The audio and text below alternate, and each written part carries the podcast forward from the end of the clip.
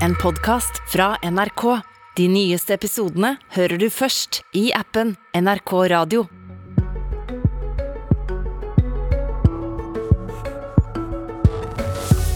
Russiske fiskebåter bør ikke få legge til kai i Norge, sier Venstre, som mener regjeringa sine sanksjoner er for slappe. Og har du drømt om å ha din egen konto i Norges Bank? Det vil SV gi hver og en av oss, slik at staten kan sette penger rett inn på din konto. God morgen, du hører eller ser på Politisk kvarter, og vi starta med sanksjonene. For Ukrainas president Zelenskyj ba Norge om å stenge havnene for russiske skip da han talte til Stortinget i slutten av mars. Fredag kom regjeringa sitt vedtak, stengte havner fra og med kommende lørdag. Men de båtene det fleste av, nemlig fiskebåter, de får unntak. Guri Melby, leder i Venstre, det mener dette puslete av regjeringa. Hvor burde de ha gjort? Altså, Sanksjoner det er jo våre våpen mot Russland i deres krig mot Ukraina. Russland har gått til krig, og Vesten svarer med sanksjoner.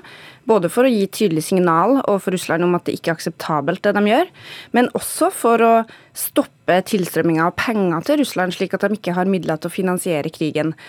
Og Da er det viktig at de sanksjonene er så kraftfulle at det virkelig merkes. Og Derfor så tok vi også allerede i mars til orde for at vi burde stenge havnene våre for russiske skip. Men når, og når regjeringa da kommer ja. med et vedtak som i praksis vil si at to tredjedeler av alle russiske anløp mm. eh, i norske havner de, eh, av russiske båter, mm. de kan fortsette. Mm. Hvor tenker du da? Nei, Det vil jo si at veldig mye av den aktiviteten som har vært der fra før, vil kunne videreføres. Eh, det betyr jo at situasjonen eh, for det første framstår litt for normal, syns jeg, eh, med tanke på det som da Russland gjør i Ukraina, der de rett og slett begår krigsforbrytelser der de ødelegger byer. Og så betyr det jo også at altså, det her er jo en viktig inntektskilde for mange, eh, som da opprettholdes gjennom at de får lov til å fortsette å selge fisken sin gjennom norske havner. Og vi har jo ikke sagt at de ikke skal få lov til å fiske, at vi ikke skal kunne opprettholde det fiskerisamarbeidet vi har med Russland. Vi har bare sagt at vi ikke ønsker at de skal lande fisken sin i norske havner. Og det pussige er jo at Russland har jo hatt importforbud av norsk sjømat siden 2014.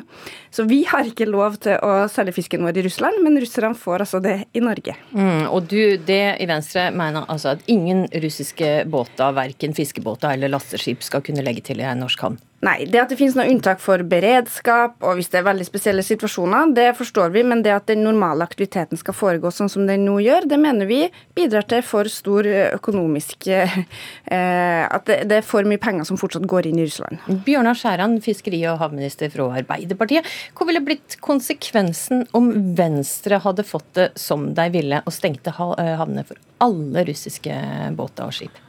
Det ville vært to ting. Det ene ville vært at vi har brutt det med den konsekvente linja som eh, regjeringa har hatt, og som vi har bred tilslutning til i Stortinget, nemlig at vi, eh, vi eh, samarbeider med våre naboer og med EU og implementerer EU sine sanksjoner i norsk rett.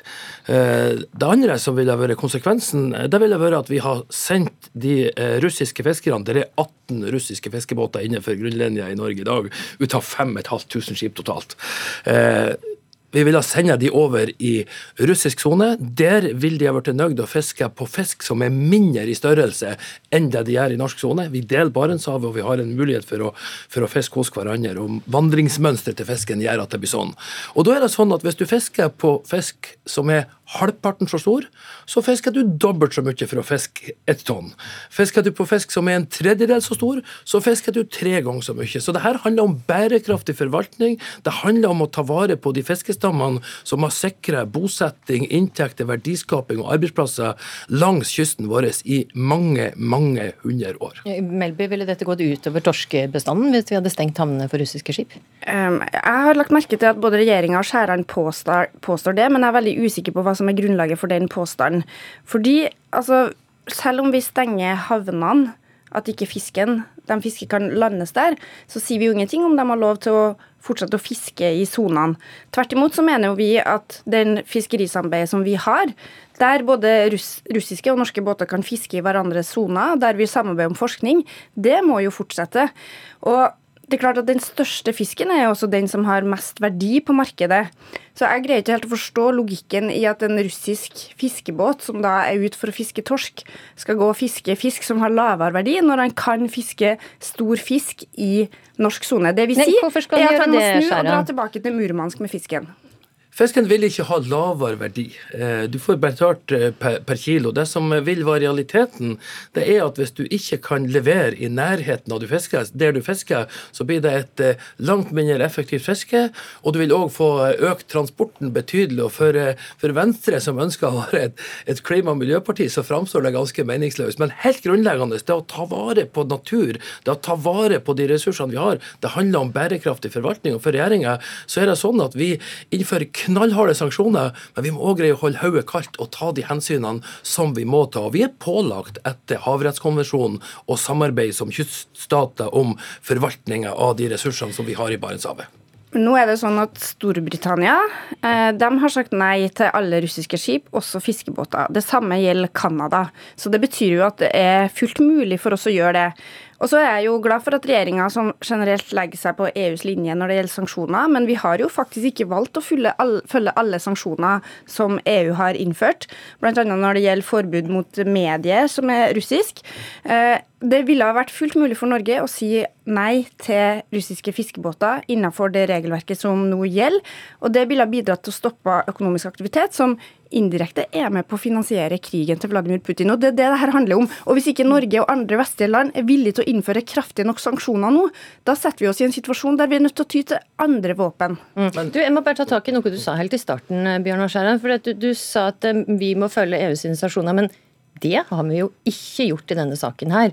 For at EU har ikke hatt et generelt Har ikke i denne sanksjonspakke 5, som kom for nær en måned siden, har ikke sagt et generelt forbud mot uh, fiskebåter.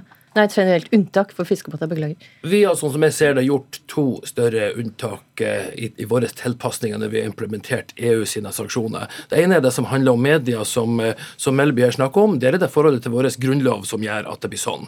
Eh, det andre handler om Svalbard, der vi må ivareta Svalbardtraktaten. Ja, men når det gjelder, når det gjelder, fisk, nei, når det gjelder fiskebåter, så er det den tekniske innretningen her som er forskjellig. EU unntar eh, i hovedsak fiskefartøy. De har en modell som er noe mer komplisert. og det har sin bakgrunn. Vi har valgt å gjøre det her enkelt. Men vi har et videre unntak enn det EU har. Ja, unntar for alle fiskebåter. Og bare for å minne om det, det er 18 russiske fiskefartøy innenfor norske grunnlinjer i dag.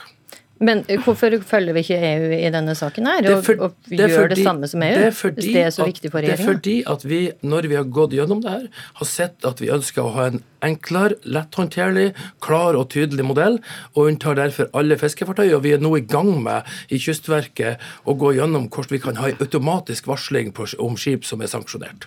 Jeg synes det er et helt fair argument at man er opptatt av å ta vare på arbeidsplasser, men ikke skyld på bærekraft i torskestammen. Den er det fullt mulig å ta vare på på andre måter. Det her handler om arbeidsplasser. Alle sanksjoner smerter. Da må vi heller finne en måte å kompensere det på. Sanksjonene må virke. Mm. Og vi okay. innfører de strengeste sanksjonene, og de virker. Det siste ord fikk du da, Bjørnar Skjæran. Takk for at du kom til Politisk kvarter. Takk også til det, Guri Melby. Abonner på Politisk kvarter som podkast, og få sendingen rett til din mobil. SV foreslår at eh, hver nordmann bør få sin egen konto i Norges Bank. Da kan staten sette inn penger rett på din personlige konto. Det kunne vi lese i Klassekampen. Og Kari Elisabeth Kaski, finanspolitisk eh, talsperson i SV. Hvilken funksjon skal det ha at jeg og du og alle andre har en egen konto i Norges Bank? Det er rett og slett et, eh, en operasjonalisering av eh, en utfordring som vi har sett over tidene, eh, gjennom både koronakrisa og også den strømpriskrisa som vi, vi står oppe i nå, så har vi jo sett, og det har vært bredt politisk flertall, for behovet for å gi ulik type utbetaling til befolkninga. Som for å kompensere det for de høye strømprisene, eller for å møte de utfordringene som vi sto oppe i under koronakrisa. Og så har vi ingen verktøy for det i dag.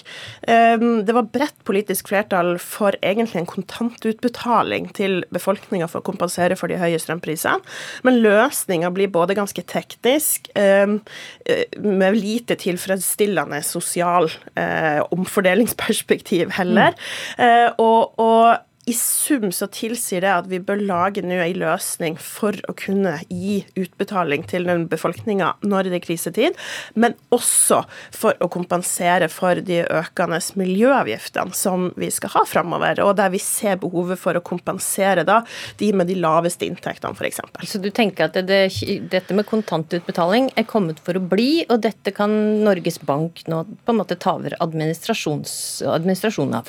Vi vet jo aldri hvilken krise som som venter i løpet av de neste årene. Men vi, vi har i alle fall sett behovet for det de siste årene, og vi vet uansett at vi vil trenger en eller annen måte å kompensere folk for for de økende miljøavgiftene. Og, og der finnes det etter mitt syn lite tilfredsstillende løsninger i dag. Hvis vi bruker skattesystem, så tar det både ganske lang tid, men det er også vanskeligere å målrette det og gjøre det tilstrekkelig, eh, tilstrekkelig sosialt omfordelende. Mm. Pluss okay. at med kontantutbetaling så kan du gjøre det som en engangsutbetaling framfor å, å gjøre det over tid, da, som f.eks. en del av de avgiftskuttene som har vært foreslått også i sånne situasjoner. Heidi Nordby Lunde fra Høyre, du er saksordfører for denne saken i finanskomiteen. Har du eh, drømt om ditt helt egne kontonummer i Norges Bank? Jeg har vel først og fremst drømt om å få PIN-koden til oljefondet, men ikke min egen konto i Norges Bank. Men jeg synes at eh, SV er inne på eh, en problemstilling som jeg syns er viktig, nemlig dette med hvordan kan vi på en effektiv måte sørge for en kontantstøtte til befolkningen i krisetider. Der, det er vi villige til å se på, men jeg syns at forslaget på hvordan man skal gjøre det, blir veldig veldig feil. For det første så har vi nå jobbet i over 50 år for å få Norges Bank som en uavhengig institusjon som har ansvar for pengepolitikken og finansiell stabilitet i Norge. Det å utvikle de til å bli en privatbank, nesten i konkurranse med et velfungerende eh, banksystem, blir veldig feil. Eh, og det andre er jo nettopp at vi har et velfungerende banksystem hvor vi utbetaler pensjon, barnetrygd, sosialhjelp eh, allerede. Så myndighetene har jo allerede tilgang til å kunne eh, gjennomføre kontantstøtte støtte til uh, Konti. Ok, ja, men du, Bare for å ta det poenget med en gang, Kaski. Altså, vi har jo hørt mye de siste månedene om viktigheten av uavhengigheten til Norges Bank. Mister en ikke noe av det når en skal begynne å bruke det for å dele ut penger til de som trenger det? Så jeg tror vi skal holde tunga rett i, i munnen på hva Norges Bank er. Det er sentralbanken vår, og hvor uavhengigheten ligger. Dette vil jo ikke rokke ved uavhengigheten, f.eks. i pengepolitikken og i rentesettinga, som, som, jo er kjempeviktig at eh, man opprettholder. Um, og, og, Norges Bank og sentralbanken har jo historisk hatt Den viktigste funksjonen har jo vært tilknytning til penger, um, til å, å, sørge for at vi har pengevesen i Norge som, som er uh, offentlig og ikke egentlig overlatt fullstendig til de private bankene. Mm. Realiteten i dag, da når vi uh, stadig eh, bruker mindre kontanter, som er det sentralbanken står for i dag, det er at pengevesenet for alle praktiske formål er privatisert og overlatt til de private bankene. Så, så uansett kommer vi til å måtte diskutere digitale sentralbankpenger. altså 90% av verdens sentralbanker utreder det akkurat nå. Det er en mye større diskusjon som vi er nødt til å ta fatt på. Så vi ser på det mer som sånn dette kan være den praktiske måten å gjennomføre det på. Um, men, men, men, jeg er åpen for at det finnes andre. Jeg er åpen for Lunde sa, da, at det, vi klarer jo faktisk å gi ut penger til mm. folk eh, i dag. Vel, historie, jeg er litt uenig i det, fordi at vi klarer det til syvende og sist. Men, men altså under koronakrisa så holdt vi på å knekke Nav gjennom å gjøre det. Så det funka jo ikke så godt, fordi det tok veldig lang tid før pengene kom ut. Det skapte store forsinkelser og utfordringer. Men grunnen til at Nav og, holdt på å knekke, var jo pga. dårlige vedtak i Stortinget, ikke fordi nei, det, at bankkontiene ikke fungerte. Nei, altså Med en gang man hadde vedtakene og IT-systemene ble rigget for å kunne gjøre utbetalingene, så var det ikke transaksjonen som var problemet. Men Nav har ikke datasystemer til å kunne gjennomføre sånne ting. Men det har jo ikke Norges og, Bank heller. Så det, nei, du sier, er at, skal, eh, at, de skal nå opprette en ny funksjon som ikke kommer til å være på plass på årevis, utvikle nye IT-systemer, istedenfor at vi kanskje da diskuterer hvordan vi kan gjøre denne type kontantvedtak i Stortinget som er, eh, er mer fungerende. Ja, det er jeg villig til. Hvilken løsning ser du for det da, Norge Lunde?